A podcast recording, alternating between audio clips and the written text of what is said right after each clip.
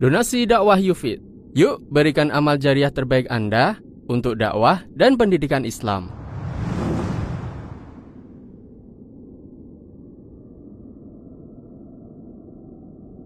Bismillahirrahmanirrahim. Assalamualaikum warahmatullahi wabarakatuh. Alhamdulillahi rabbil alamin. وبه نستعين على أمور الدنيا والدين. وصلى الله على نبينا وسيدنا محمد وعلى آله وصحبه أجمعين. أما بعد. كتابا جدكا بجير من الشكور كهدرة الله سبحانه وتعالى pada kesempatan ملام yang berbahagia kali tanggal 28 Rabiul Tsani 1440 Hijriah atau yang bertepatan dengan tanggal 4 Januari 2019 kita masih kembali diberi kekuatan, kesehatan, hidayah serta taufik dari Allah Jalla wa ala. Sehingga kita bisa kembali menghadiri pengajian rutin untuk membahas adab dan akhlak di dalam Islam di Masjid Jenderal Besar Sudirman di kota Purwokerto ini. Kita berharap semoga Allah Subhanahu wa taala berkenan untuk melimpahkan kepada kita semuanya ilmu yang bermanfaat sehingga bisa kita amalkan sebagai bekal untuk menghadap kepada Allah Jalla wa Ala. Amin. Salawat dan salam Semoga senantiasa tercurahkan kepada junjungan kita Nabi besar Muhammad sallallahu alaihi wasallam kepada keluarganya, sahabatnya dan umatnya yang setia mengikuti tuntunannya hingga di akhir nanti. Para hadirin dan hadirat sekalian yang kami hormati dan juga segenap pendengar Radio Insani 88.8 FM di Purwokerto, Banyumas, Purbalingga, Banjarnegara, Cilacap, Wonosobo dan sekitarnya. Para pemirsa Yufi TV, Niaga TV, Surau TV yang mudah-mudahan senantiasa dirahmati oleh Allah Azza wa Jal. Hari ini insya Allah kita akan menyelesaikan pembahasan tentang hadis yang ke 28 yang dibawakan oleh Imam Ibn Hajar Al-Asqalani dalam kitab beliau Bulughul Maram Kitabul Jami' hadis yang terbagi menjadi empat poin. Dan kita telah bahas tiga poin sehingga malam hari ini insya Allah kita akan menyelesaikan pembahasan tentang poin yang keempat. Kita akan bacakan hadisnya. Wa an Abi Hurairah radhiyallahu anhu qala dari sahabat Nabi SAW yaitu Abu Hurairah. Semoga Allah meridai beliau. Qala Rasulullah sallallahu alaihi wasallam Rasulullah SAW bersabda Man naffasa an mu'minin kurbatan min kurabid dunya naffasallahu anhu kurbatan min kurabi yaumil qiyamah Barang siapa menghilangkan kesengsaraan seorang mukmin di dunia maka Allah akan hilangkan kesengsaraan dia di hari kiamat. Ini adalah poin yang pertama. Poin yang kedua adalah waman yassara ala mu'sirin yassarallahu alaihi fid dunya wal akhirah.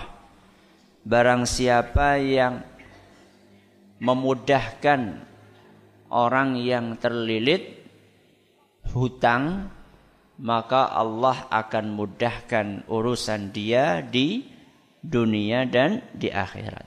Ini poin yang kedua. Poin yang ketiga, man satara musliman satarahullahu fid dunya wal akhirah.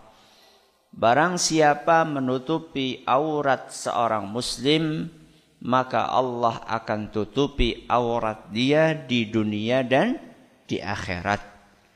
Poin yang terakhir yang keempat yang akan kita bahas malam hari ini wallahu fi aunil abdi ma kana al-'abdu fi auni akhihi. Allah akan senantiasa membantu seorang hamba selama dia membantu saudaranya rawahu muslim hadis riwayat muslim. Yang akan kita bahas adalah poin yang terakhir.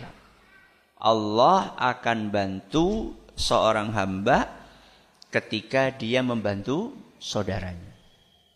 Poin yang keempat ini bisa dikatakan merupakan kesimpulan dari seluruh poin sebelumnya. Poin yang keempat merupakan kesimpulan. Singkatan dari seluruh poin sebelumnya. Karena yang namanya bantuan kepada orang lain itu berupa yang pertama adalah menghilangkan kesu kesusahan. Yang kedua, memudahkan orang yang terlilit utang. Yang ketiga, menutupi aurat. Ini semuanya adalah bantuan. Kalau kita membantu orang lain, maka Allah akan bantu kita. Dan bentuk bantuan Allah kepada kita macam-macam. Ketika kita bantu saudara kita dengan hil kita hilangkan kesusahannya, maka Allah akan bantu kita untuk menghilangkan kesusahan kita. Ketika kita membantu kesulitan orang lain, maka Allah ketika kita mudahkan kesulitan orang lain, maka Allah akan bantu kita dengan memudahkan kesulitan kita. Ketika kita bantu orang lain dengan kita tutupi auratnya, maka Allah akan bantu kita dengan menutupi aurat kita. Sehingga poin yang keempat ini merupakan kesimpulan dari poin-poin sebelumnya.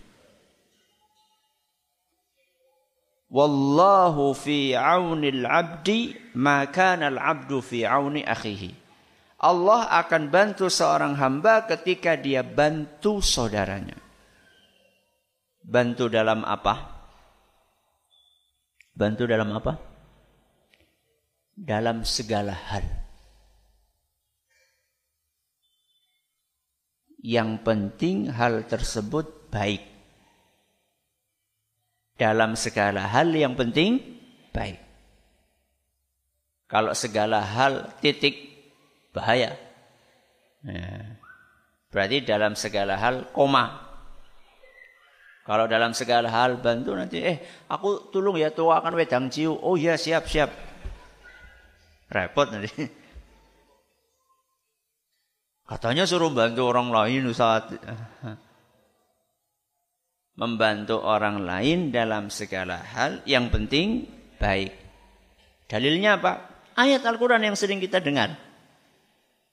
Wa ta'awanu 'alal birri wat taqwa wa la ta'awanu 'alal ismi wal udwan yang artinya saling bantu membantulah kalian saling tolong menolonglah kalian alal birri dalam kebaikan wat taqwa dan ketakwaan wala ta'awanu alal ismi wal udwan dan jangan kalian tolong menolong dalam perbuatan dosa dan permusuhan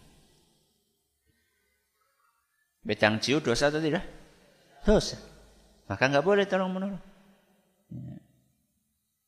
Eh mas mas, aku nyeli reke, gue ngapa gue udut. Sorry mas. Ya. Saya nggak mau membantu dalam perbuatan yang buruk. Ya.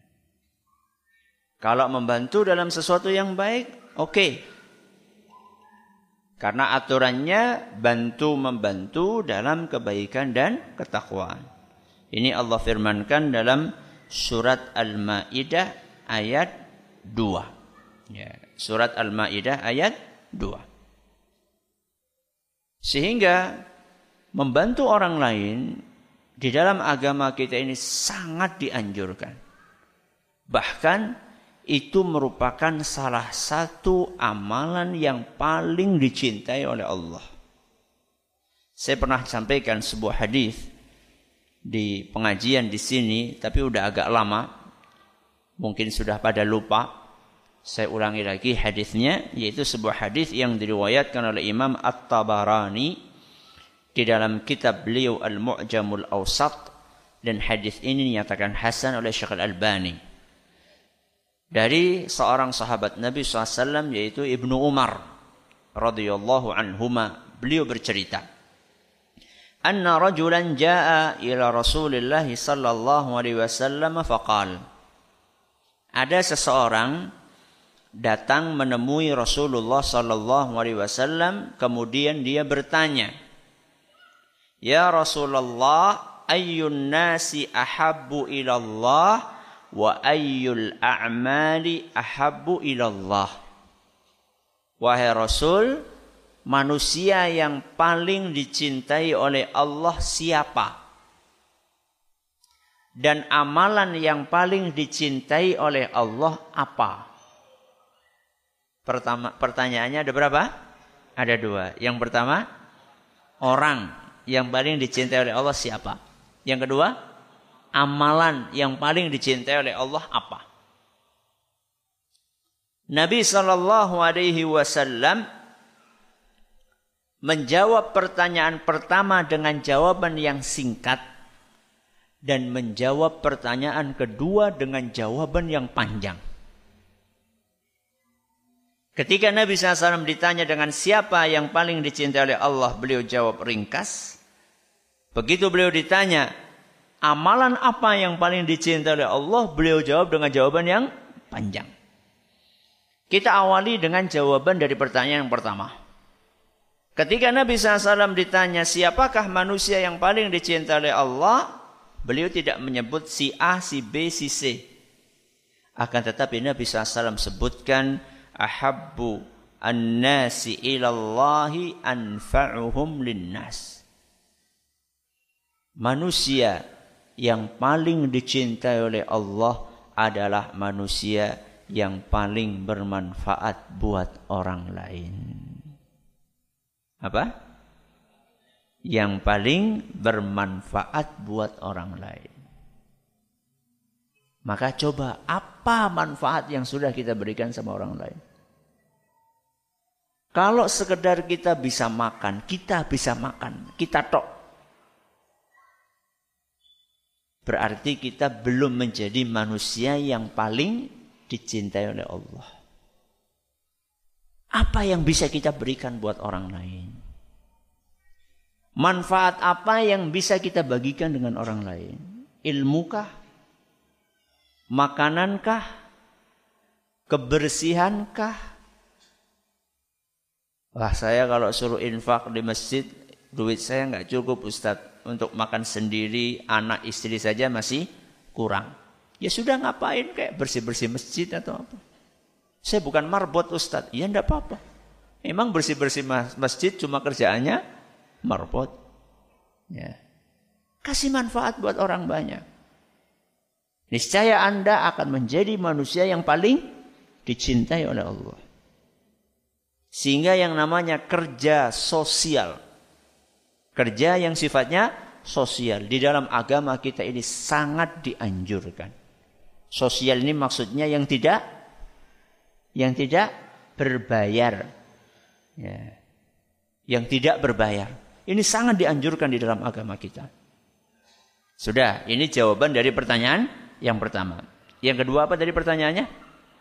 Amalan apa yang paling dicintai oleh Allah? Nabi wasallam menjawab, "Wa ahabbul a'mali ila Allahi sururun tudkhiluhu ala muslim." Amalan yang paling dicintai oleh Allah adalah membahagiakan hati seorang muslim. Apa? membahagiakan hati seorang muslim. Bagaimana caranya Ustaz? Macam-macam. Nabi SAW kasih contoh. Au takshifu anhu kurbatan. Engkau hilangkan kesusahannya. Ketika kita melihat saudara kita sedang murung, maka kita kita hibur. Dia ada masalah apa, dia curhat, kita dengerin. Syukur-syukur bisa kita kasih solusi. Kalaupun kita belum bisa ngasih solusi, minimal dia itu sudah mencurahkan isi hatinya. Biasanya sebagian orang itu kalau unek-uneknya sudah dikeluarkan itu agak plong, agak plong. Ya kira-kira separoh lah bisa ambekan. Ya. Walaupun mungkin dia belum dapat solusi. Syukur-syukur bisa kita kasih solusi.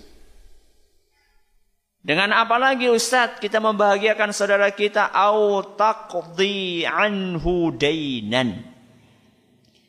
Kamu lunasi utangnya. Nah ini biasanya orang pusing itu gara-gara apa? Utang. Kalau memang kita punya, bantu dia. Kalau kita nggak punya, ya minimal kita ngobrol sama orang yang punya. Atau kita lobby. Orang yang diutangi. Kalau memang betul-betul dia tidak mam mampu. Kecuali kalau kita tahu dia mampu dan memang hobinya ngutang orang bayar. Itu lain masalah. Itu sudah kita bahas pada pertemuan sebelumnya. Dengan cara apa lagi kita membahagiakan saudara kita? au ju'an. Engkau bantu dia untuk menghilangkan rasa lapar.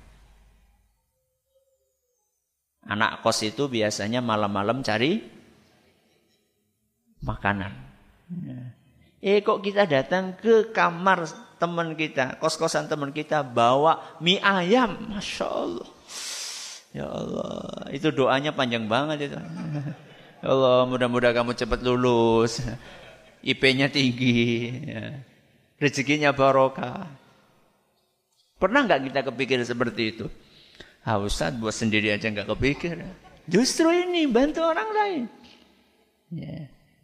Ada rezeki sedikit kita bagi dengan orang lain. Ya.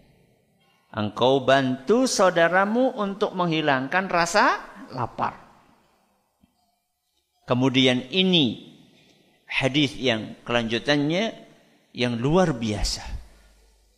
Merubah pola pikir kita tentang makna dari sebuah ibadah. Nabi SAW katakan, Wala an amshi, awali an amshiya, ma'a akhin li fi hajatin, ahabbu ilayya min an a'takifa fi hadha masjid yakni Masjid al-Madinati syahran. Daripada aku iktikaf sebulan di Masjid Nabawi. Aku lebih suka untuk berjalan membantu urusan saudaraku. Aku lebih suka berjalan ngurusi urusan saudaraku dibandingkan etikaf di Masjid Nabawi sebulan. Berapa? Sebulan.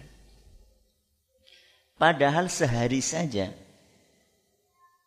kita bisa dapat lima kali sholat.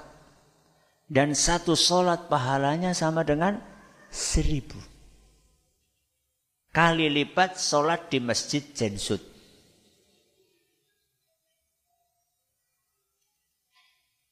Padahal ini bukan sehari. Berapa? Sebulan. Itu baru dihitung sholatnya. Belum dihitung sholat sunnahnya. Itu baru dihitung sholat fardunya. Belum sholat sunnahnya. Belum pahala iktikafnya sendiri. Belum pahala baca Qur'annya. Belum pahala zikirnya. Belum pahala buka puasa kalau puasa di situ. Seluruh tumpukan pahala ini kalah dengan pahala membantu saudara kita dalam menyelesaikan urusannya. Jadi jangan pernah kita meremehkan amal soleh berupa membantu saudara. Ya. Gak usah muluk-muluk lah. Bantu istri saja. Bantu apa? Istri. Mas-mas beliin uh, apa? Uyah. Beliin apa? Uyah. Beliin garam ini anu mau goreng mendoan garamnya enggak enggak ada. Tuh dewek ngapa? Kalau yang namanya ibu-ibu mau keluar rumah kan udet-udet. Kenapa udet-udet? Harus pakai jilbab. Kalau jenengan kan ya kausan, pakai celana biasa keluar langsung cepet. Kalau dia kan repot harus ini, harus ini, harus ini. Oh, warung cuma di samping rumah kok. Kadang-kadang kita ini meremehkan sebuah amalan yang ternyata pahalanya luar biasa. Ngangkatin jemuran. Ya. Ngangkatin jemuran. Istri sudah nyuci, sudah jemur. Kita lihat siang-siang mendung. Gak usah kita nunggu dikomando oleh siapa? Oleh istri kita. Kita sudah lihat, oh mendung. Mendung gue artinya biasanya sebentar lagi hujan. Gak usah nunggu hujan, baru kemudian diteriaki sama istri. Kita angkat, walaupun kita baru pulang kerja. Ketika kita pulang kerja, biasanya kan kalau hari-hari ini mendungnya habis duhur gitu ya, jam 2 mulai mendung. Kita baru pulang dari kantor. Sekalian ya, masuk rumah sambil bawa jemuran. Ya. Syukur-syukur sudah dilipeti. Ya, syukur sudah di, dilipeti. Ya. Syukur-syukur dikosok sisan. Senang banget ibu-ibu. ya. Loh, kita membantu dalam rangka untuk mendapatkan pahala. Kalau seandainya kita nggak bisa gosok, ya paling tidak karena memang kita punya duit, kita masukkan ke laundry untuk di digosokin. Oh, cuma ngangkat tas saja isinya laundryan, yang gosok orang lain saja nggak mau. Gimana sih? Suami model apa ini? Ya. Ayo dong, kita kan sudah baca hadis. Kita sudah baca tuntunan Rasul SAW. Buat apa kalau kita tidak praktekkan? Gengsi. Ya. Bos kok suruh bawa laundryan. Ya. Gengsi Ustadz. Ustadz kok suruh bawa jemuran. Nanti kita akan baca bagaimana para sahabat Rasul SAW, para tabi'in, manusia-manusia istimewa.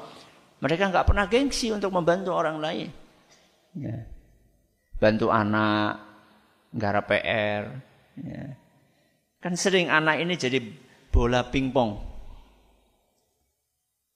Bu, bu, Umi, Umi ini gimana? Sana sama Abi. Abinya, sana sama Umi. Bingung. Jadi bal ping, pingpong. Ya. Padahal sebenarnya nggak sibuk-sibuk amat. Ibunya lagi Facebookan, abinya lagi WA-an. Bukan sesuatu yang darurat, bukan. Ya. Lebih besar pahalanya dibandingkan apa tadi? i'tikaf di Masjid Nabawi satu bulan.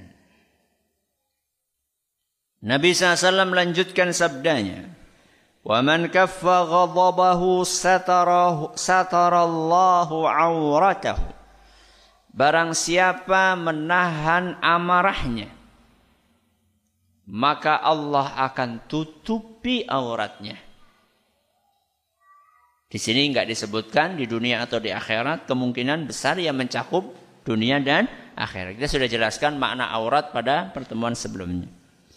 Wa man kadhama ghaydahu walau syaa an yumdiyahu amdahu mala Allahu azza wa jalla qalbahu amnan. Barang siapa yang menahan diri untuk tidak melampiaskan amarahnya Padahal dia mampu untuk melampiaskannya. Jadi orang itu tidak melampiaskan amarah bukan karena dia tidak mampu.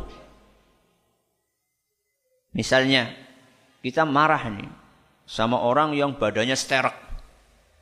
Kita mau marah, mau melampiaskan nggak bisa karena kita tahu kita ini nggak mampu gitu loh.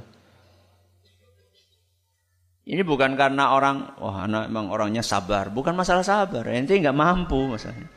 Ini dia mampu untuk melampiaskan amarahnya. Contohnya apa? Ya suami sama istri. Ayah sama anak mampu. Bos sama karyawan, majikan sama pembantu, komandan sama prajurit mampu. Dia mampu untuk melampiaskan amarahnya, tapi dia tahan amarahnya. Apa ganjarannya? Nabi SAW sampaikan dalam hadis yang kita baca ini, mala Allahu Azza wa Jalla qalbahu amnan yaumal qiyamah. Allah akan penuhi hatinya kedamaian dan ketenangan di hari kiamat. Alias dia tidak takut dengan kesulitan-kesulitan dan kedahsyatan di hari kiamat. Maka latihanlah untuk menahan amarah. Ah, ini masih lagi bantu orang lain. Waman masya ma'a akhihi fi hajatin hatta athbataha lahu. Barang siapa yang berjalan dengan saudaranya untuk membantu urusannya sampai selesai. Nah, ini sampai apa? Selesai. Jadi bukan hanya sekedar Pak daleme anu niko teng pundi? Oh, niku lurus mani, lurus mawon, makanya wonten pertigaan belok kanan. Wonten perempatan belok kiri, makanya wonten pertigaan malih belok kanan terus berniku wonten lampu merah lampu merah terus bingung ya. dia bantu dia jalan sama saudaranya sampai selesai urusannya dalamnya Pak Anu pun di meriki kalau antar mawon ya. bukan karena cewek bukan Mbah, mbah, sudah sepuh. Laki-laki lagi. Ya. Bukan. Bukan karena ini adalah lawan jenis, bukan.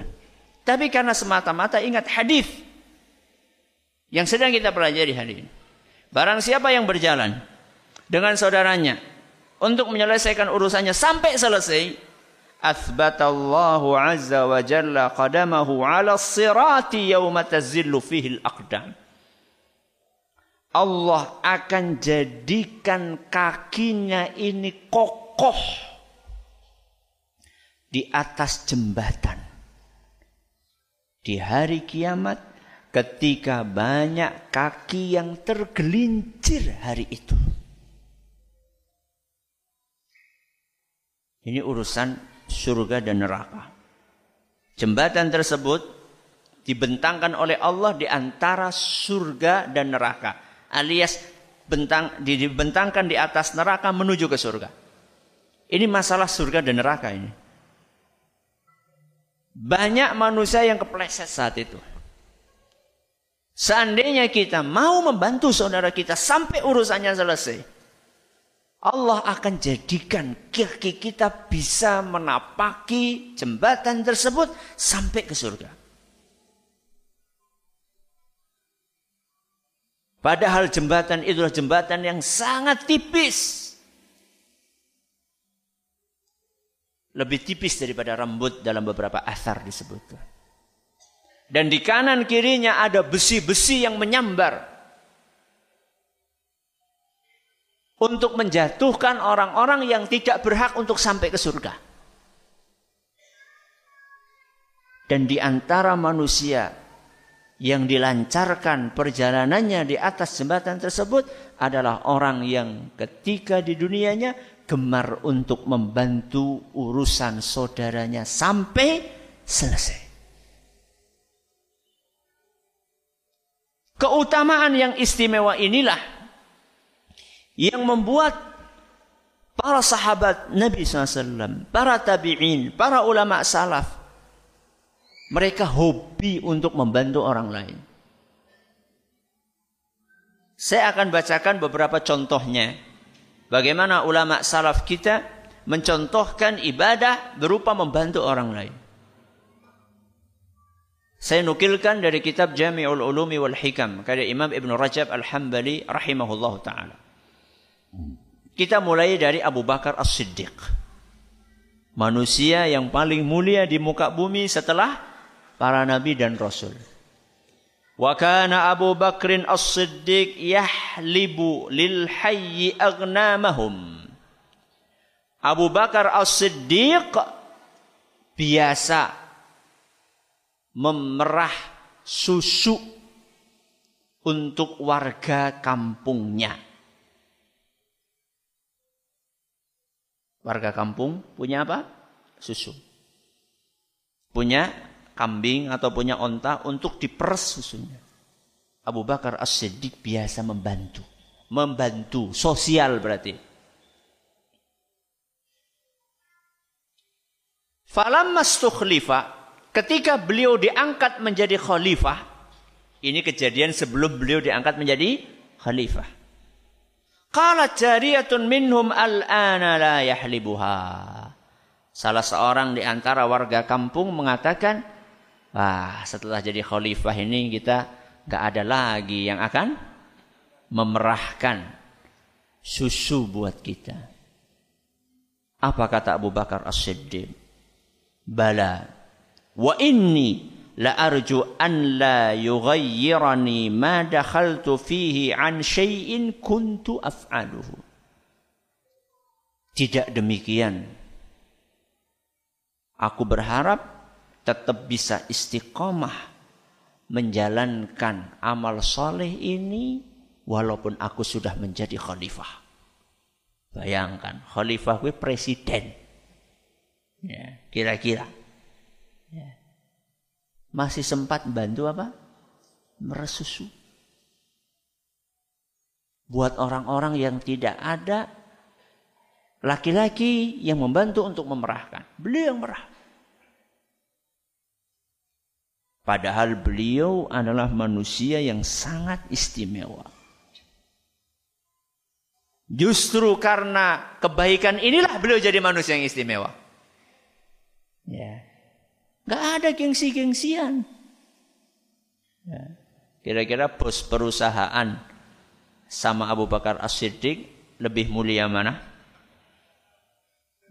Gak ada seujung kukunya. Ya. Berikutnya Umar bin Khattab radhiyallahu anhu. Wa kana Umar yastaqi lahunna al-ma'a bil-lail adalah Umar bin Khattab radhiyallahu anhu biasa menimbakan air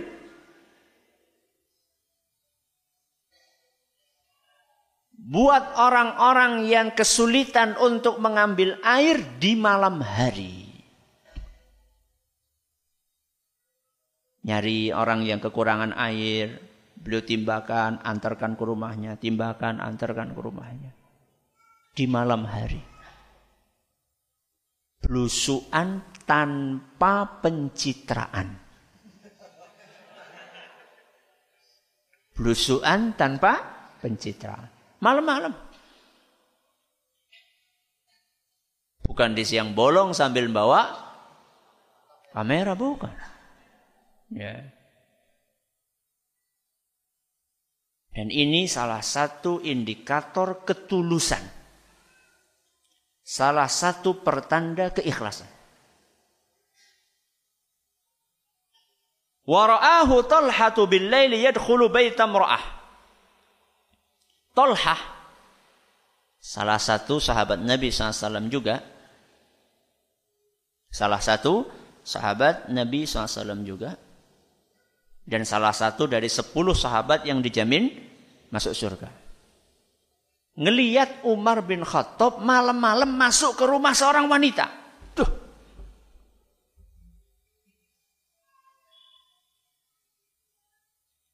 Esoknya di siang hari Tolha masuk ke rumah itu.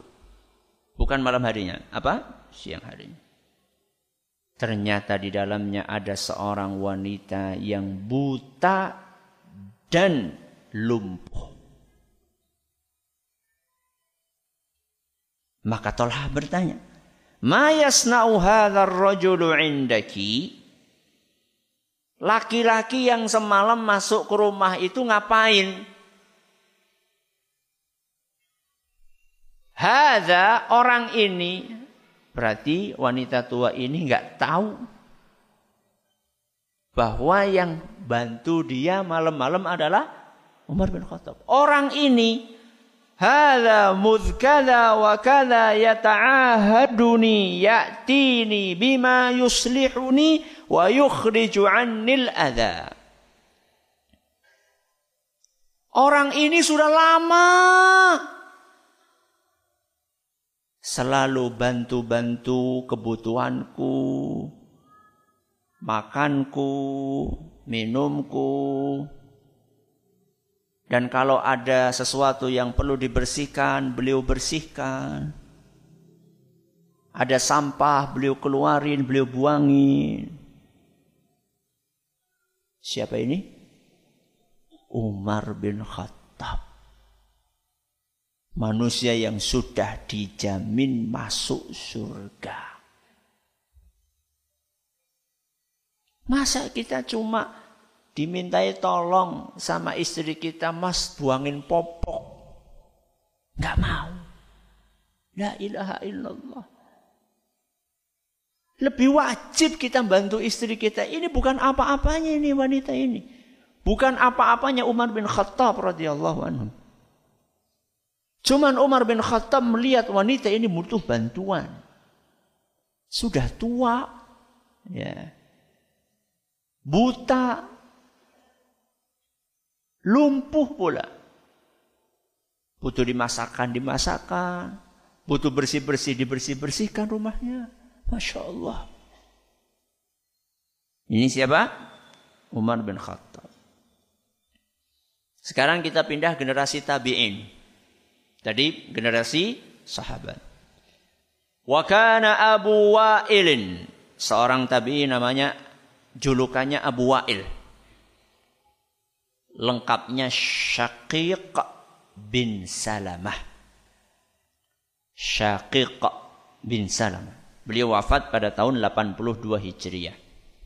Wa kana Abu Wa'ilin yatufu ala nisa'il hayyi wa ajaizihim kulla yaumin. Abu Wa'il ini setiap hari keliling kampung. Terutama beliau datangi orang-orang yang sudah tua-tua. Fayashtari lahunna hawaijahunna wa ma yuslihuhunna. Apa yang beliau lakukan? Beliau datang dari rumah ke rumah untuk membantu apa yang perlu dibelikan akan beliau belikan. Apa kebutuhan kalian? Beliau berusaha untuk penuhi. Keliling. Setiap hari. Dan ini sosial. Bukan cari apa? Bukan cari keuntungan, bukan. Kecuali kalau ini dimaksud adalah keuntungan pa pahala dari Allah Subhanahu wa taala. Wa Mujahid. Siapa? Mujahid. Salah seorang tabi'in juga. Sahib tubna Umar fi safari li akhdimahu. Fakana yakhdimuni. Kata Mujahid, aku menemani Ibnu Umar. Ibnu Umar itu sahabat. Mujahid adalah tabi'in. Berarti istimewa mana? Ibnu Umar, sahabat. Aku sengaja menemani Ibnu Umar di dalam sebuah perjalanan, sebuah safar dengan maksud aku ingin membantu seluruh urusan dia. Berkhidmat kepada sahabat Nabi SAW. Ternyata apa yang terjadi? Justru beliaulah yang berkhidmat kepadaku. Murid pengen berkhidmat sama gurunya, ternyata guru yang berkhidmat sama muridnya. Ini loh sahabat Nabi Sallallahu Alaihi Wasallam. Santri pengen bantu kiainya, ternyata kiai malah bantu santrinya.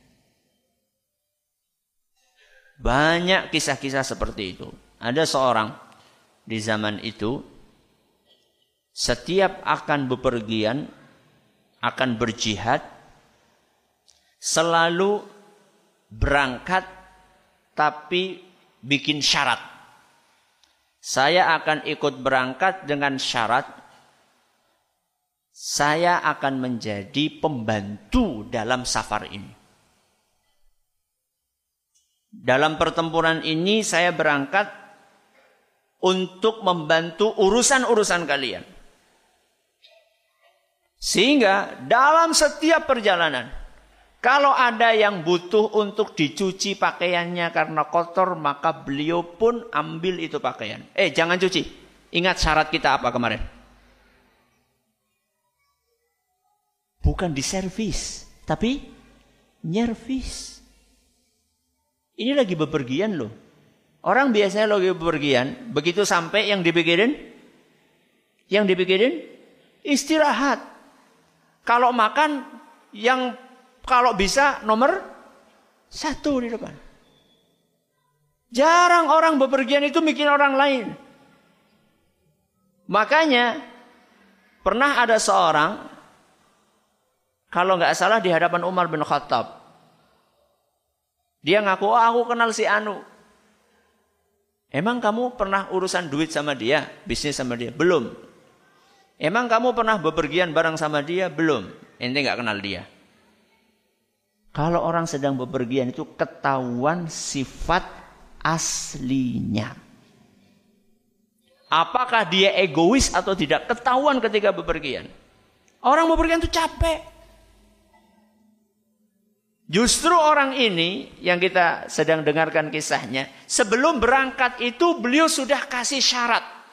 Aku akan ikut berangkat dengan syarat aku akan bantu urusan kalian. Alhamdulillah Rabbil Wassalatu wassalamu ala nabiyina Muhammadin Wa ala alihi wa sahbihi ajma'in Amma ba'd Orang yang tadi kita kisahkan Memberi syarat Untuk apa? Untuk membantu seluruh kebutuhan orang-orang yang sedang berjihad meninggal dunia. Ya, meninggal dunia. Ketika sedang dimandikan, mereka temukan di tangannya tertulis min ahlil jannah calon penghuni surga. Maka mereka perhatikan tulisan itu. Apa dia nulis sendiri atau bagaimana? Fa'idha hiya kitabatun bainal jildi wal lahm. Ternyata tulisan itu ada di dalam kulit. Antara kulit dengan daging. Bukan dia yang nulis. Bukan dia yang nulis. Wallahu alam. Ini bisa dijadikan sebagai kabar gembira. Ya. Jadi membantu orang lain adalah sesuatu yang sangat dianjurkan di dalam agama kita. Apalagi seandainya yang kita bantu adalah saudara-saudara kita, orang-orang terdekat kita. Istri kita, orang tua kita. Jangan sampai kita sama orang tua kita itu hitung-hitungan. Ya. Bu, utang sing wingi dereng dereng dibayar, Bu. Masya Allah. Sama orang tua ngutang, orang tua ngutang sama jenengan ya Allah.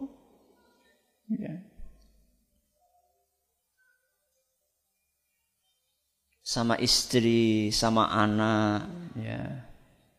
Bantu mereka istri sama suami, bantu suami. Ya. Kalau kita merasa urusan kita sulit, maka bantulah orang lain. Ustaz, urusan sendiri sulit kok bantu orang lain. Justru ketika kita bantu orang lain, kita akan dibantu oleh Allah. Ya. Mahasiswa akan menghadapi ujian. Biasanya kan pakai SKS. Sistem kebut semalam. Ketika sedang kebut-kebutan seperti itu tahu-tahu ada teman kita nanya, ini maksudnya apa? Enggak paham saya. Hah, gimana? Inti datangnya sekarang, emang nggak ada waktu lain apa? Padahal sebenarnya itu cuma mengambil waktu kita paling lima menit.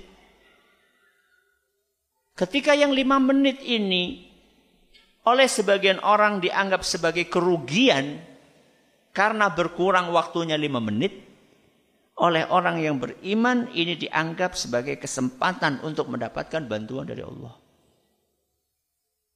Ya. Ketika kita punya perusahaan, kok urusan sulit gimana? Coba lihat kanan kiri, mungkin ada orang-orang yang kelaparan. Mungkin ada orang yang butuh bantuan, bantu mereka. Akan dimudahkan sama Allah urusan kita. Ya. Apa kita ragu dengan janji dari Rasul SAW? Ya. Maka ingat terus, Allah akan bantu kita ketika kita bantu orang lain. Dengan demikian selesai pembahasan kita tentang hadis yang ke-28 insyaallah di pertemuan yang akan datang kita akan berpindah ke hadis berikutnya yaitu hadis nomor 29. Ustadz, kadang kita bisa ramah kepada orang lain tapi sering kasar kepada keluarga sendiri. Lain ini contohnya. Ya. Bisa ramah sama orang lain sama keluarga sendiri nggak bisa ramah. Aneh bin ajaib. Ya. Kita ini lebih wajib ramah kepada keluarga dibandingkan kepada orang lain. Makanya hadis yang pernah kita pelajari ketika ada orang datang kepada Nabi SAW, wahai Rasul, siapakah manusia yang paling berhak untuk aku baiki? Maka Nabi SAW pun mengatakan ibumu sampai berapa kali? Tiga kali baru yang keempatnya bapakmu. Ini namanya prioritas. Berbuat baik di dalam agama kita kepada semua orang. Keluarga maupun bukan keluarga. Tapi yang diprioritaskan adalah keluarga. Maka aneh. Kalau kita bisa halus sama teman kita, tapi kita tidak halus sama orang tua kita, ini aneh. Kita bisa sopan dengan ustadz kita, tapi kita tidak sopan sama bapak kita. Aneh. Aneh. Ustadz itu nggak melahirkan Anda. Yang melahirkan Anda adalah ibu Anda. Ustadz itu tidak menafkahi Anda. Yang menafkahi Anda adalah bapak Anda. Kenapa sama Ustadz bisa munduk-munduk? Sopan, pelan suaranya, kemudian sama orang tua tidak bisa dilakukan seperti itu. Sama rekan bisnis atau sama teman sejawat di kantor bisa sedemikian halusnya apa yang bisa saya bantu sampai tanya-tanya seperti itu. Masa nggak bisa kita lakukan itu sama istri kita, sama anak kita? Sama anak orang lain ketika melakukan kesalahan, Ya, kita bisa berusaha untuk maafkan. Kenapa sama anak sendiri kita sukanya marah-marah? Kita bisa senyum sama anak tetangga. Ya. Kenapa sama anak sendiri kita tidak senyum? Ya. Apa ini? Akhlak apa ini? Ya. Seandainya ini terjadi, hal-hal yang tadi terjadi di antara Orang-orang yang sudah ngaji ini lebih marah lagi. Oh sudah ngaji kok masih seperti itu. Ayo dong perbaiki diri. Ngaji buat apa kalau bukan untuk memperbaiki diri? Usahakan orang-orang terdekat kita merasakan efek perubahan kita setelah ngaji. Jadi setelah ngaji itu efeknya itu bisa dirasakan oleh orang-orang terdekat kita. Ayah kita, ibu kita, istri kita, anak kita. Bukan malah sebaliknya. Ya. Kalau seandainya kita setelah ngaji ini tambah baik, tambah sopan, tambah halus dengan orang-orang terdekat kita. Dengan izin Allah kita nggak capek-capek ngajak mereka ngaji, mereka akan ikut ngaji mereka. Kan sering ada pertanyaan Ustadz gimana caranya ngajak orang tua ngaji? Gimana caranya ngajak istri ngaji? Perilakumu itu loh. Perilaku kita ini loh. Perilaku kita inilah dengan izin Allah yang akan mengajak mereka untuk mau ikut kajian. Wong tambah lama tak tambah lama ngaji kok tambah kurang ajar sama orang tua. Kayak seorang guru ngajari muridnya. Pak, sini nih Pak, sini tak ajari Pak. Gini loh cara sholat. Ente itu siapa? Ya. Mudah-mudahan bisa membawa kebaikan buat kita.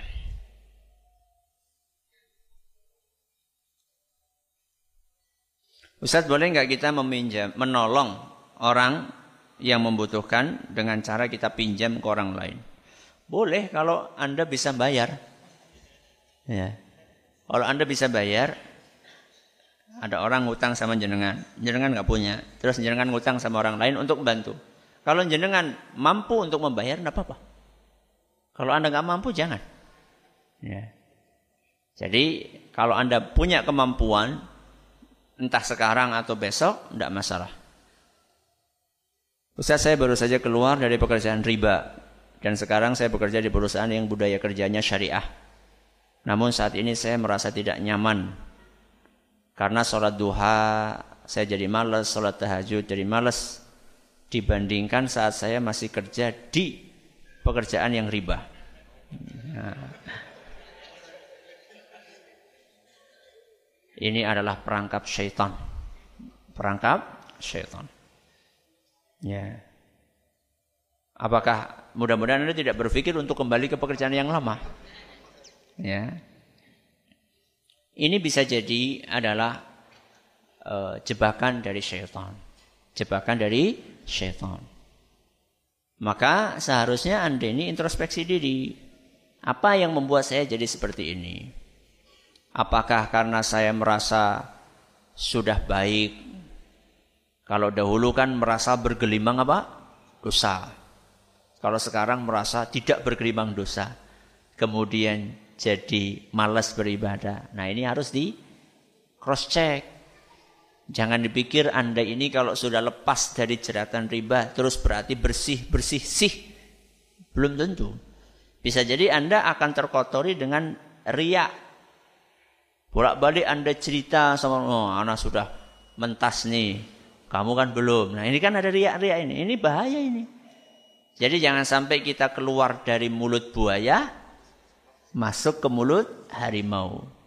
Jadi ketika Anda lepas dari pekerjaan yang haram, bukan berarti Anda lantas jadi terjamin aman dari dosa, tidak. Dan bukan berarti kemudian Anda kembali lagi ke pekerjaan yang haram, tidak. Akan tapi teruslah berjuang untuk menghindari dosa dan maksiat sampai kita menghadap kepada Allah Subhanahu wa taala Terima kasih atas perhatiannya. Mohon atas segala kurangannya. Kita tutup dengan membaca Subhanakallahumma wa bihamdika asyhadu an la ilaha illa anta astaghfiruka wa atubu ilaik. Assalamualaikum warahmatullahi wabarakatuh.